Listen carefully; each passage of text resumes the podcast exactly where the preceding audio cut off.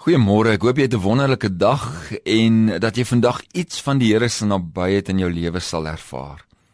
Maar nou is dit so dat daar by baie mense benoudheid en onsekerheid is, sommer net onseker oor die lewe self. Daagliks is daar soveel negatiewe berigte van uiterstes wat reg oor die wêreld gebeur en dit lyk amper asof daar geen uitkoms is nie. Maar ons God wat homself as Vader, Seun en Heilige Gees aan ons bekend gemaak het.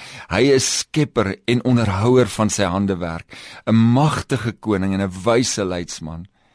Die geheim is nie om van hom te vergeet nie en ook nie te probeer om maar op my eie pad te loop nie want dit is gewoonlik dan wat ons so oorweldig word deur die eise van die lewe. Gewoonlik is dit maar die ou ek wat so bietjie in die pad staan.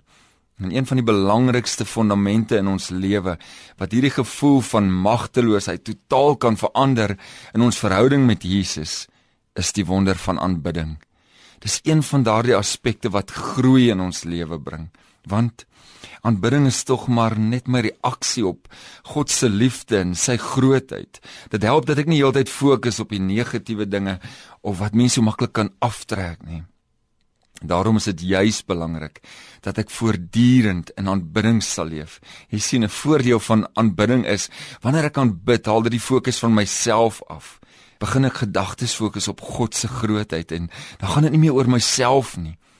Diself is net te broos en te klein om die gewig van die mense honger na betekenis en voortreffelikheid te dra.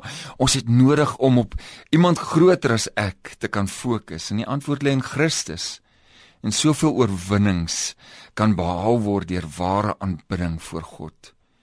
Om jou taal te verander van jou of van ek na hom toe, kan jou lewe verander sien.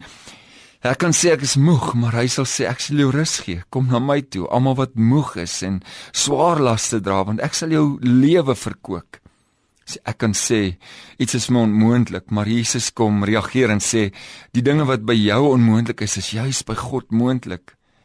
Ek kan sê maar kan nie meer nie, maar hy sê ek kan egter vir jou sê my genade is vir jou genoeg want my krag kom juis in jou swakheid tot volle verwesenliking. Ek kan sê ek kan dit nie doen nie, maar hy sê jy kan want jy is tot alles in staat deur Christus wat jou die krag gee.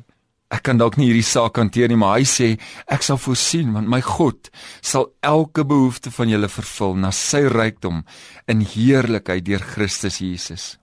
Jy kan ook vandag sê jy's bang, maar hy sê ek wil nie jy moet bang wees nie, want die gees wat ek jou gegee het, is een van krag en van liefde en van selfbeheersing. En jy sê dalk vanoggend jy voel alleen, maar hy sê ek sal jou nooit alleen los nie. Onthou dat God die versekering gegee het, ek sal jou nie los nie. Ek sal jou nie in die steek laat nie. Aanbidding leer ons wie ons is en aan wie ons behoort. Dit het dan 'n invloed hoe ons optree in ons alledaagse lewe. En my gebed vir jou is dat aanbidding vandag 'n reaksie sal wees op God se liefde en sy grootheid in jou lewe. Amen.